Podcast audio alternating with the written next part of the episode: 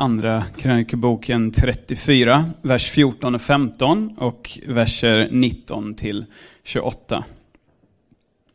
När man tog fram silvret som hade kommit in till Herrens hus fann prästen Hilkia boken med Herrens lag som hade givits genom Mose. Hilkia underrättade kungens sekreterare Shafan. Jag har funnit bokrullen med lagen i Herrens hus. Och han gav den till Shafan. När kungen hörde vad som stod i lagen och rev, sönder, rev han sönder sina kläder och gav sedan följande befallning åt Hilkia, åt Akikam, Shafans son, åt Avdon, Mikas son, åt sekreteraren Shafan och åt kungens minister Asaja. Gå och fråga Herren för min räkning och för den rest som finns kvar av Israel och Juda om det som står skrivet i den bok som påträffats. Ty Herrens vrede är stor. Den har vält ut över oss därför att våra fäder inte lydde Herrens ord och inte handlade så som det står skrivet i denna bok. Då gick Hilkia tillsammans med kungens män till Hulda, en kvinnlig profet, som var gift med föreståndaren för klädkammaren Shallum, son till Tokat, son till Hasra. Hon bodde i Jerusalem, i den nya staden. När de framfört sitt ärende svarade hon dem, så säger Herren, Israels Gud. Säg till den man som skickade er till mig, så säger Herren. Jag ska låta olycka drabba denna plats och dess invånare. Alla de förbannelser som nedtecknats i den bok som man har läst för kungen av Juda.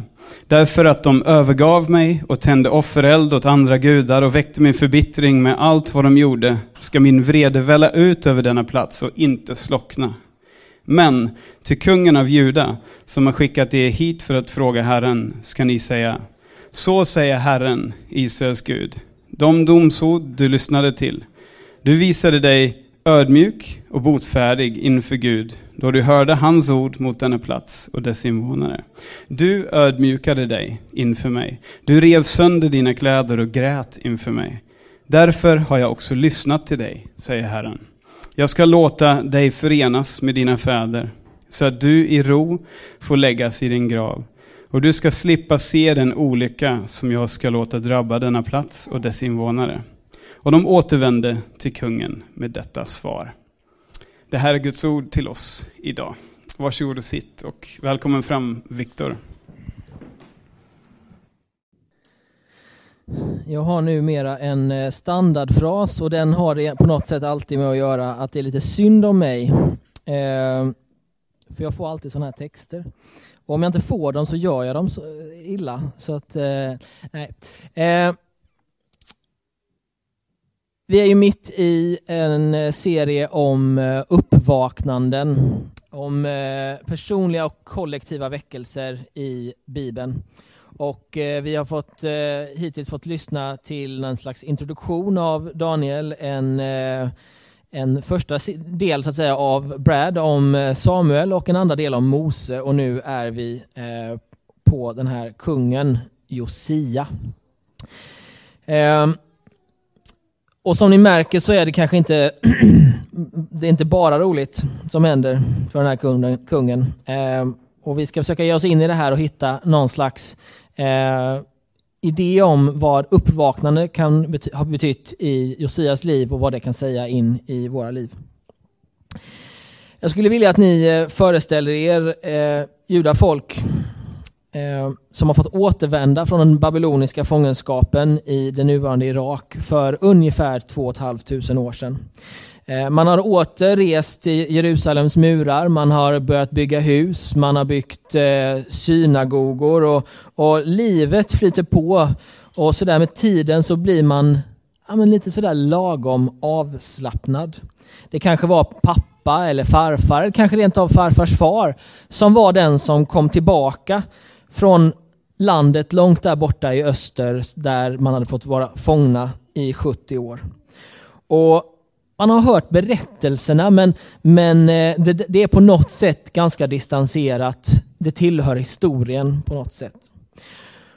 Och det är till de här människorna som lever precis så där och upplever det så som eh, krönikebokens författare skriver.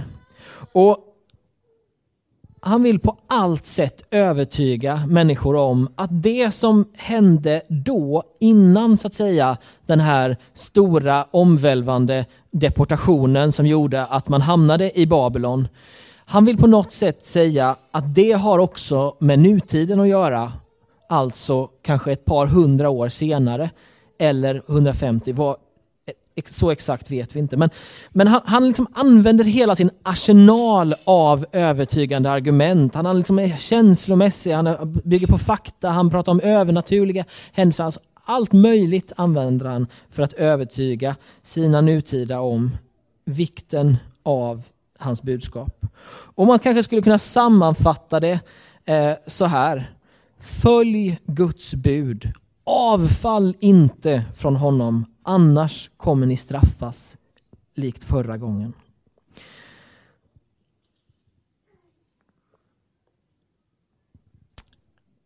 Den här lilla killen Josia då, som berättelsen handlar om.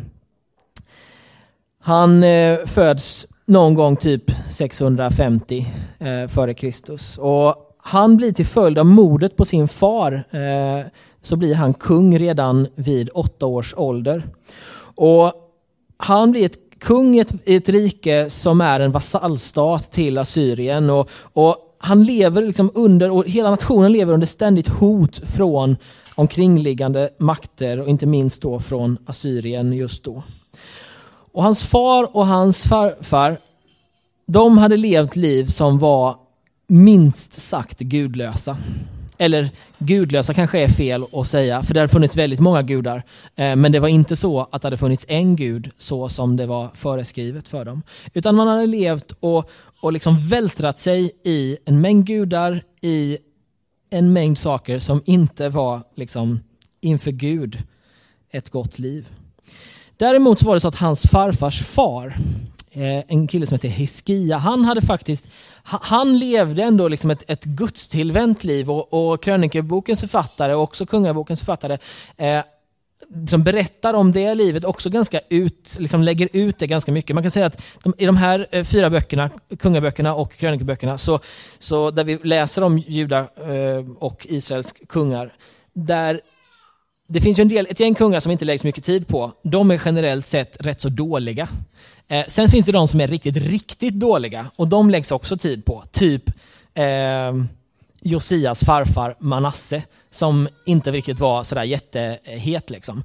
Eh, han får också en liten utläggning. Men sen är det de här kungarna, typ Hiskia och typ eh, Josia. Det är mycket Ia. Eh, och men också givetvis David och Salomon. Det är de kungarna som får den, liksom den stora, stora uppmärksamheten kring. Och, och, vi får förstå det på något sätt som att det här är människor som man ska liksom ta efter. Eller liksom titta på. De är någon slags förebilder. Och det är därför jag tänker att de ändå har någonting att säga till oss. Därför att annars så blir det bara så här, man ska inte göra som den kungen. Inte, men, men här finns det någonting som man ska göra som, tror jag.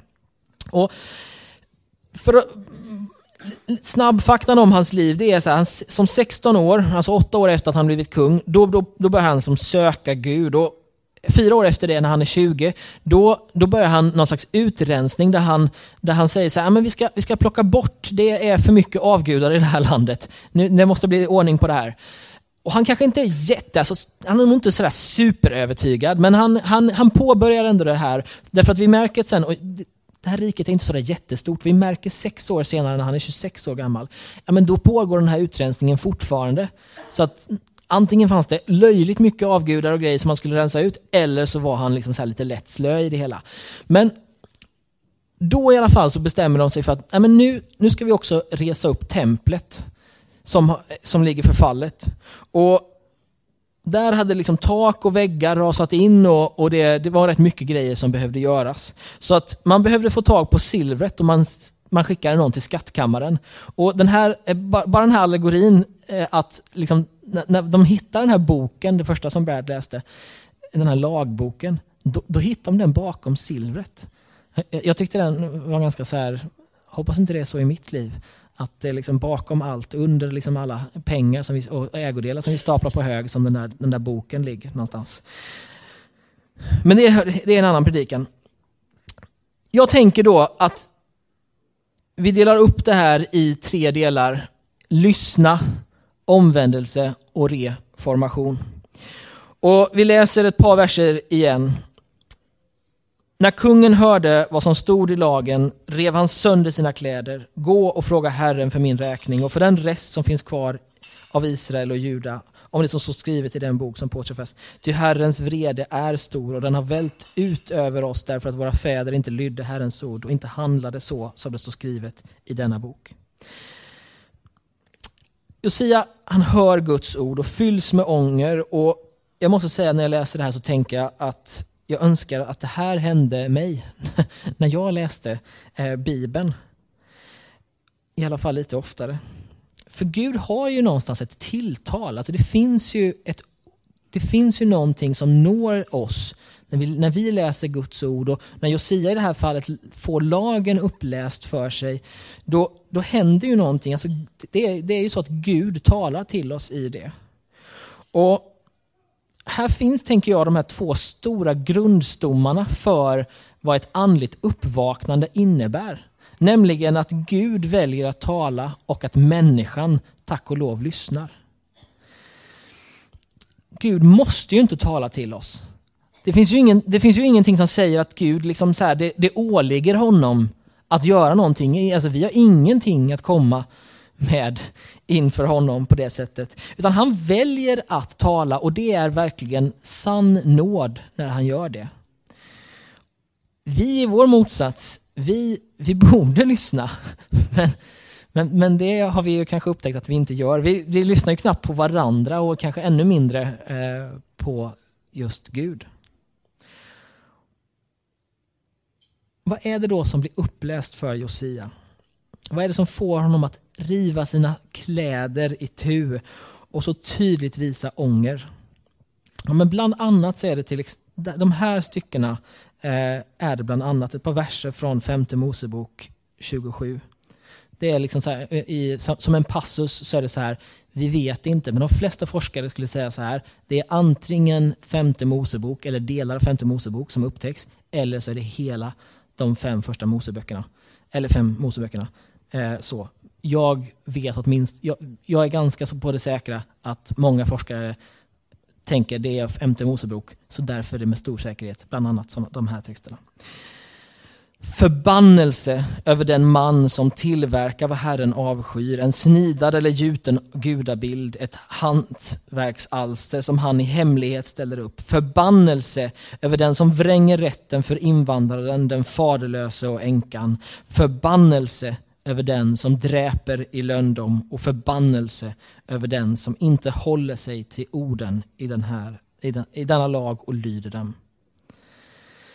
Alltså det blir så uppenbart för Josia att det är helt självklart att han, hela hans liksom så här genealogy, hela hans liksom arv är ett stort brott mot precis allt detta. Hans fäder en efter en. Ja, men det är klart det finns någon enstaka eh, liksom Hiskia till exempel som, som är annorlunda. Men majoriteten är liksom stora brott med just det här. Och hela hans folk, landet, han har hållit på i, i sex år. Har han hållit på och rensat och rensat och rensat. Oavsett om han var liksom, gjorde det i snabb takt eller inte. Men, men det tar uppenbarligen lång tid. Det är ganska ordentligt ute med dem.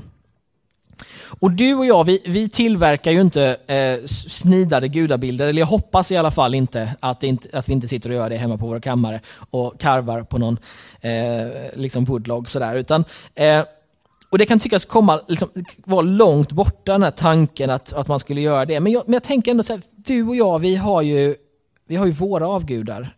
Även om vi inte snidar dem, sätter upp dem i hemlighet, som det står här, i våra hem. Utan vi har ju andra saker. Vi är ju försäkrade upp över öronen i det här landet för att vi vägrar att liksom acceptera överraskningar. Vi har byggt ett trygghetssystem i Sverige som är fantastiskt på jättemånga sätt, precis som Kristina sa här innan. Men det är ju liksom en otrolig dyrkan av stabilitet liksom, och ett liksom undflyende från att liksom, ingenting i liksom, naturen eller någon annanstans ska få drabba mig. Jag ska vara trygg och säker. Vi har ju högre lojalitet många gånger till våra arbetsgivare än vad vi har till våra barn. Det är därför vi vobbar i så stor utsträckning. För dig som inte är bekant med begreppet så vabba och arbeta samtidigt, eller jobba, vobba. Vi dyrkar ju inte snidade trästatyer eller, eller stenfigurer, men, men visst dyrkar vi stora hus, fina bilar och en uppdaterad garderob. Vi dyrkar inte vädergudar, men det är klart att vi, vi, vi lägger mycket pengar på och ser till att vi har så mycket pengar att vi inte behöver frukta det.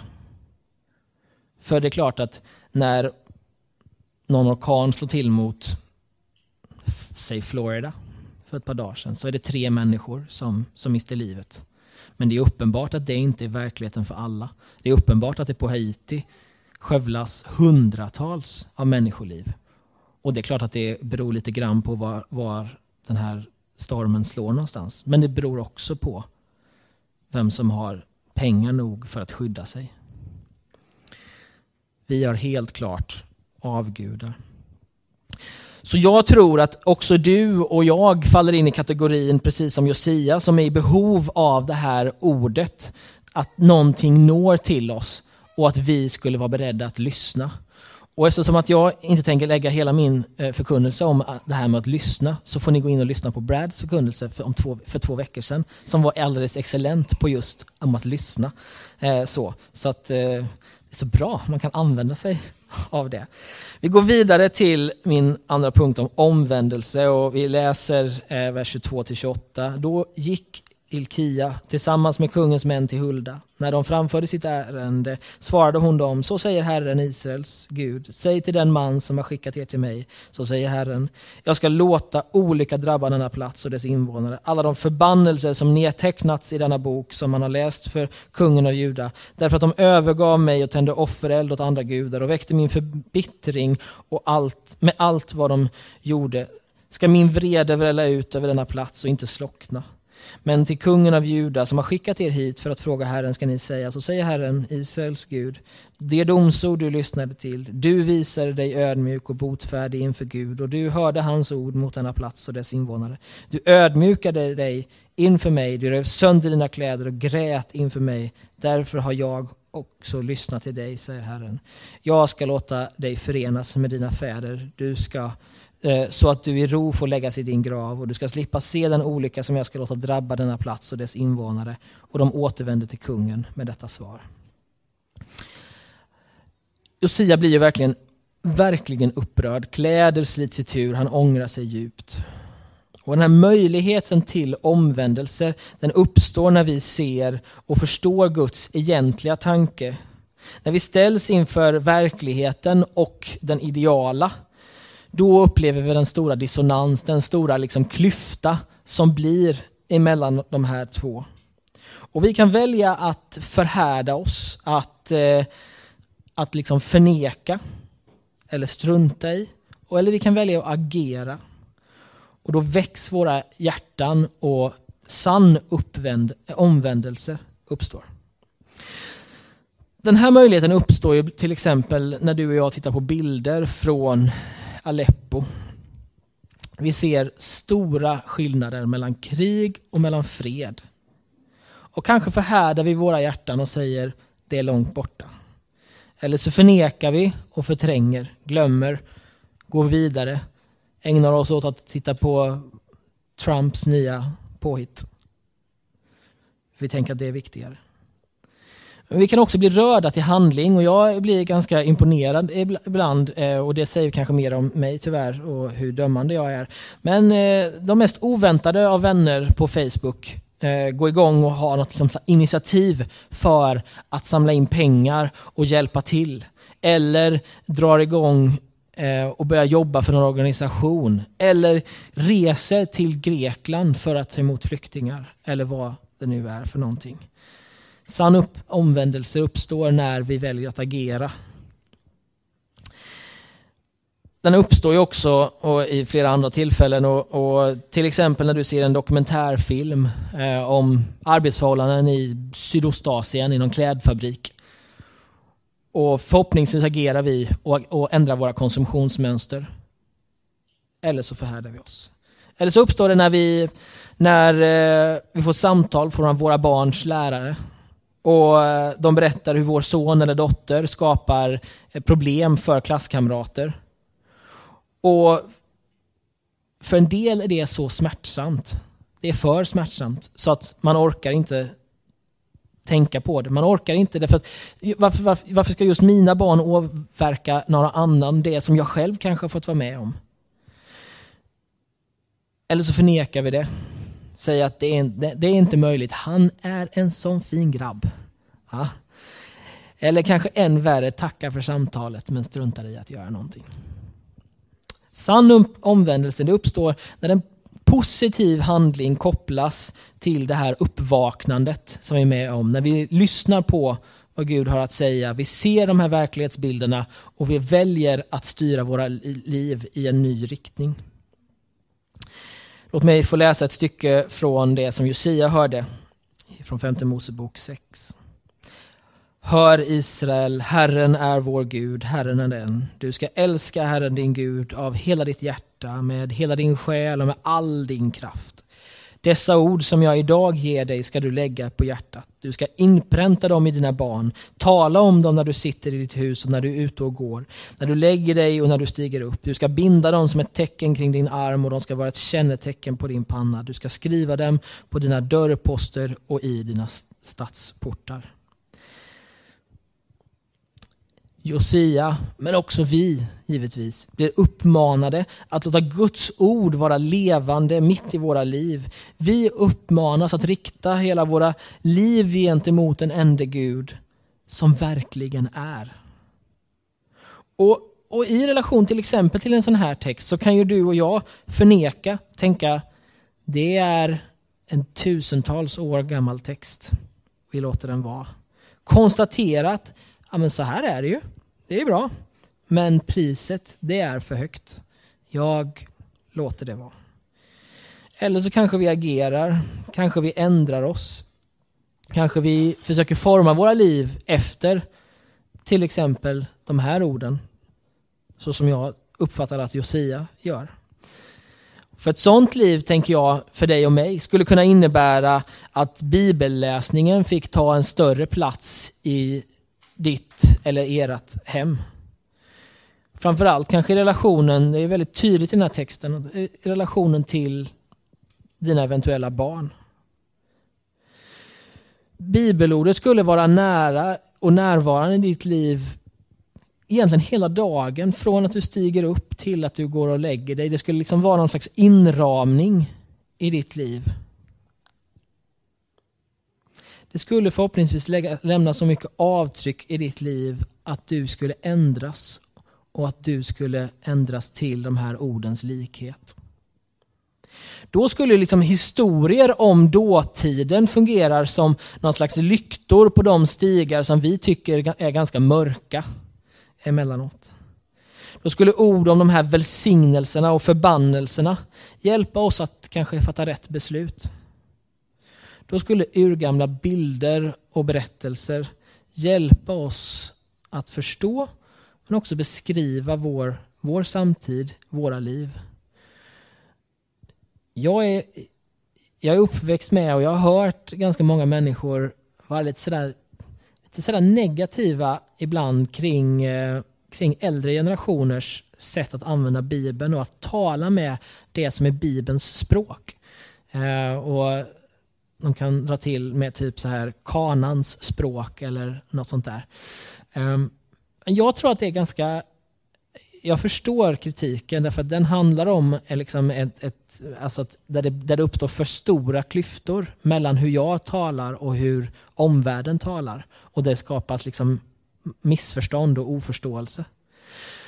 Samtidigt tror jag att det är ganska tydligt att den generation som jag lever i och för kanske de flesta av oss så är Bibeln inte en så stor och aktiv del av våra liv att vi, att vi är aktivt formade av det av, i vårt tankesätt. För en del av er, så när, liksom, när just när någon slår er på käften så kanske det är någon som kommer ihåg att ni ska vända andra käften eh, till, liksom, eller hur det nu är. Men, men, men när det händer fast det liksom inte är just en käftsmäll utan för att när det är en oförrätt. När ni blir illa behandlade på jobbet. Då är risken stor att den kulturen som vi lever i som har berättat för dig kräv din rätt kommer snabbare till dig än vänd andra kinden till. Och därför skulle jag hävda att vi behöver mer av det här ordet i våra liv. Och Vi behöver följa det här och vända tillbaka och omvända oss till ett sätt att förstå Bibeln så som Josia omvände sig till och så som Mose här förkunnar för folket. Och i ytterst sett så är det Gud som berättar Hör Israel, hör Guds folk. Herren är en. Detta ordet, bygg era liv på det. Ni är ett annat folk, inte som alla andra. Det finns tyvärr kanske inte så jättemånga recept.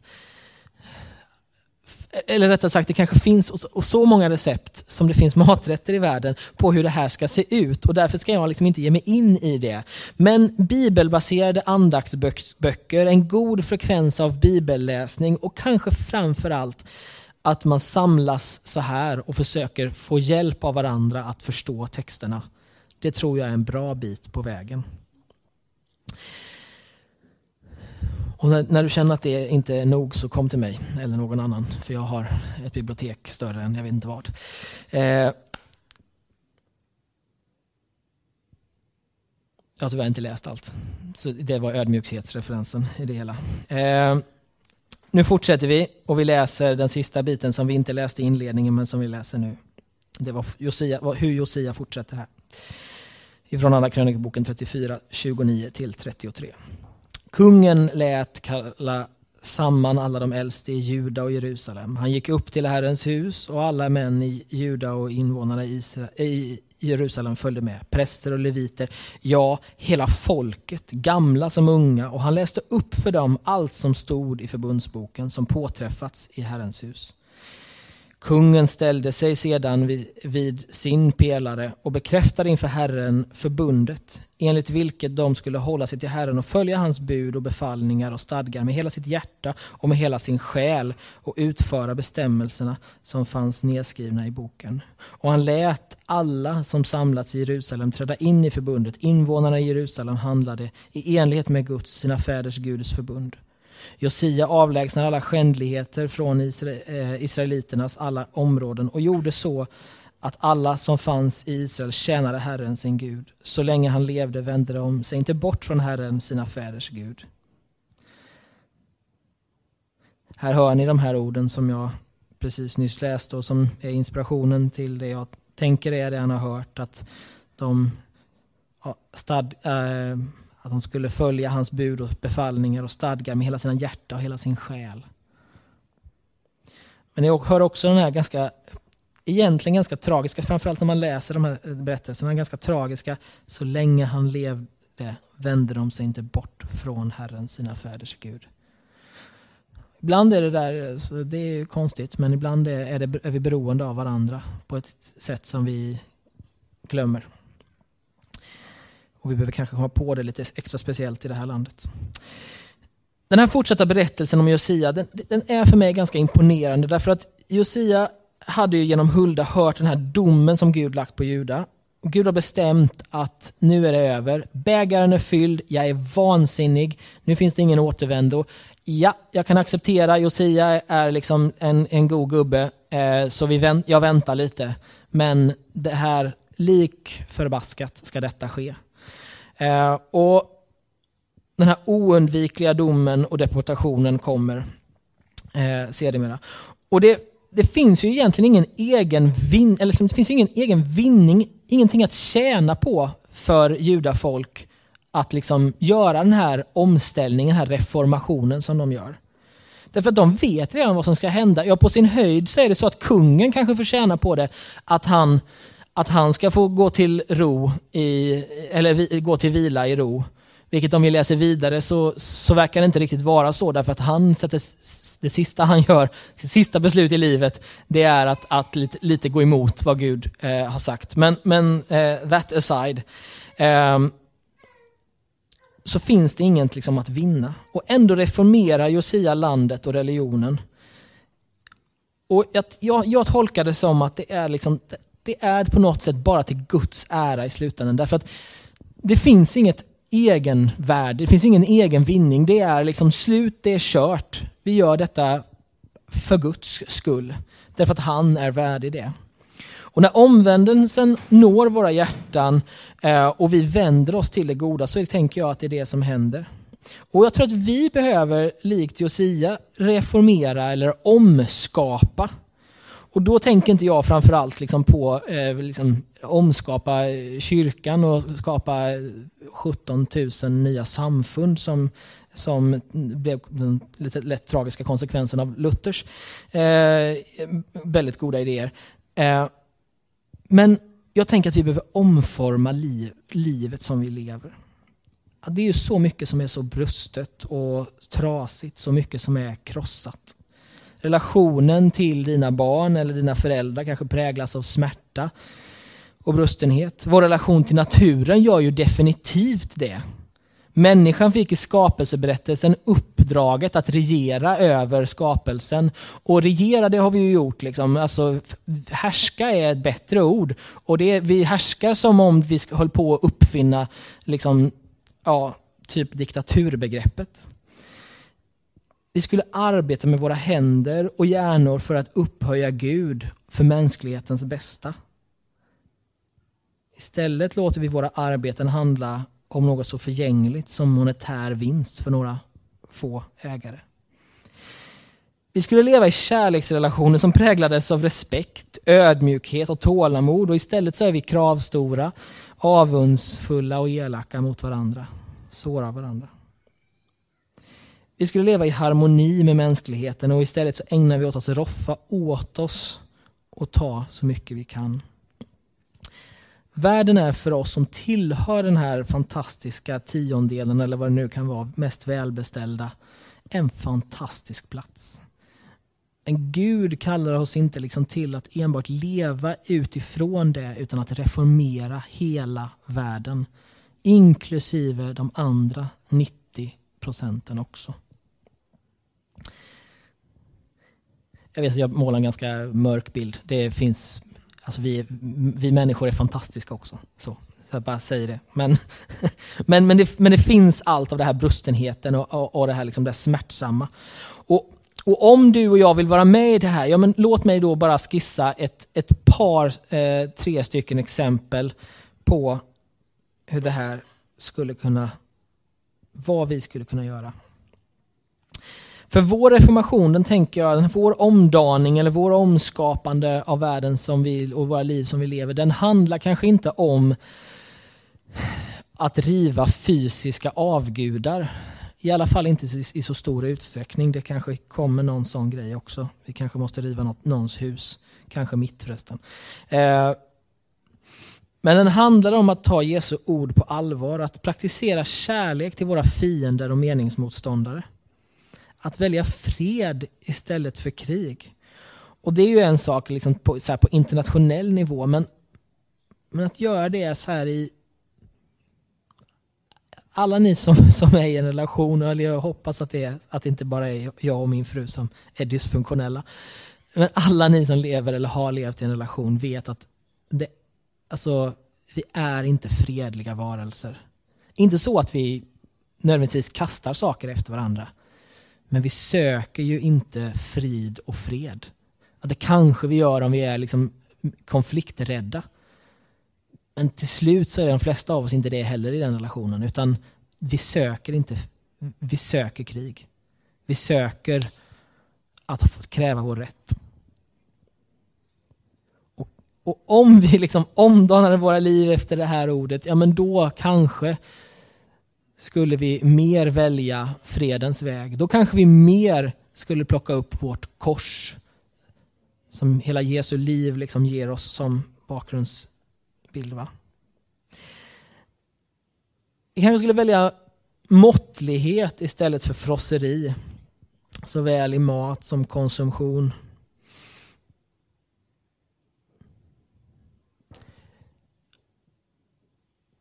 Alltså vi lever ju i en, och det är ju, det är ju svårt att ta på liksom, och det är, eh, framförallt är det ganska jobbigt att ta på, men vi lever ju i, liksom, i, en, i en värld där vi har det ju, alltså bra är ju inte rätt uttryck liksom.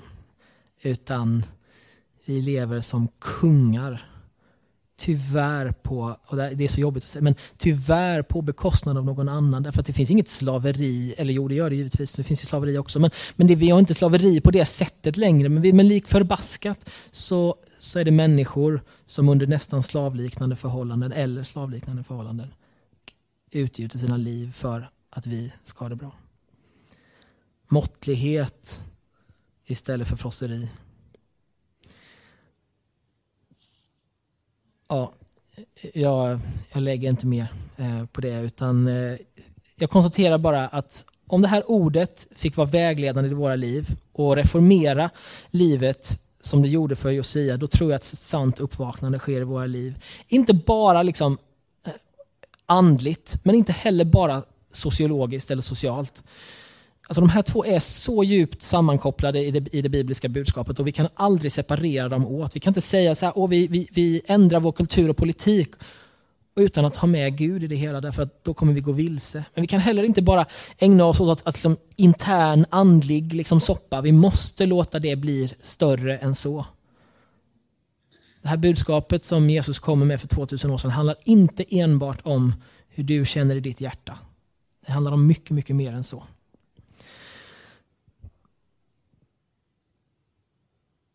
Tack för att ni har lyssnat till mig idag. Sammanfattningsvis vill jag säga att uppvaknande det är en kombination av att Gud talar och att vi lyssnar. Och när vi lyssnar eller hör och ser Guds bild, då har vi ett val. Och om vi väljer att agera utifrån Guds bild och verklighet, ja, men då uppstår verklig sann omvändelse. Och när vi väl har omvänt oss, ja, men då behöver livet som vi känner det reformeras till Guds ära. Och jag tror att det är så som vi kan förändra den här världen. När våra barn och andra människor runt omkring oss ser på detta verk, då ändras världen. Låt det ske till Guds ära. I Jesu namn.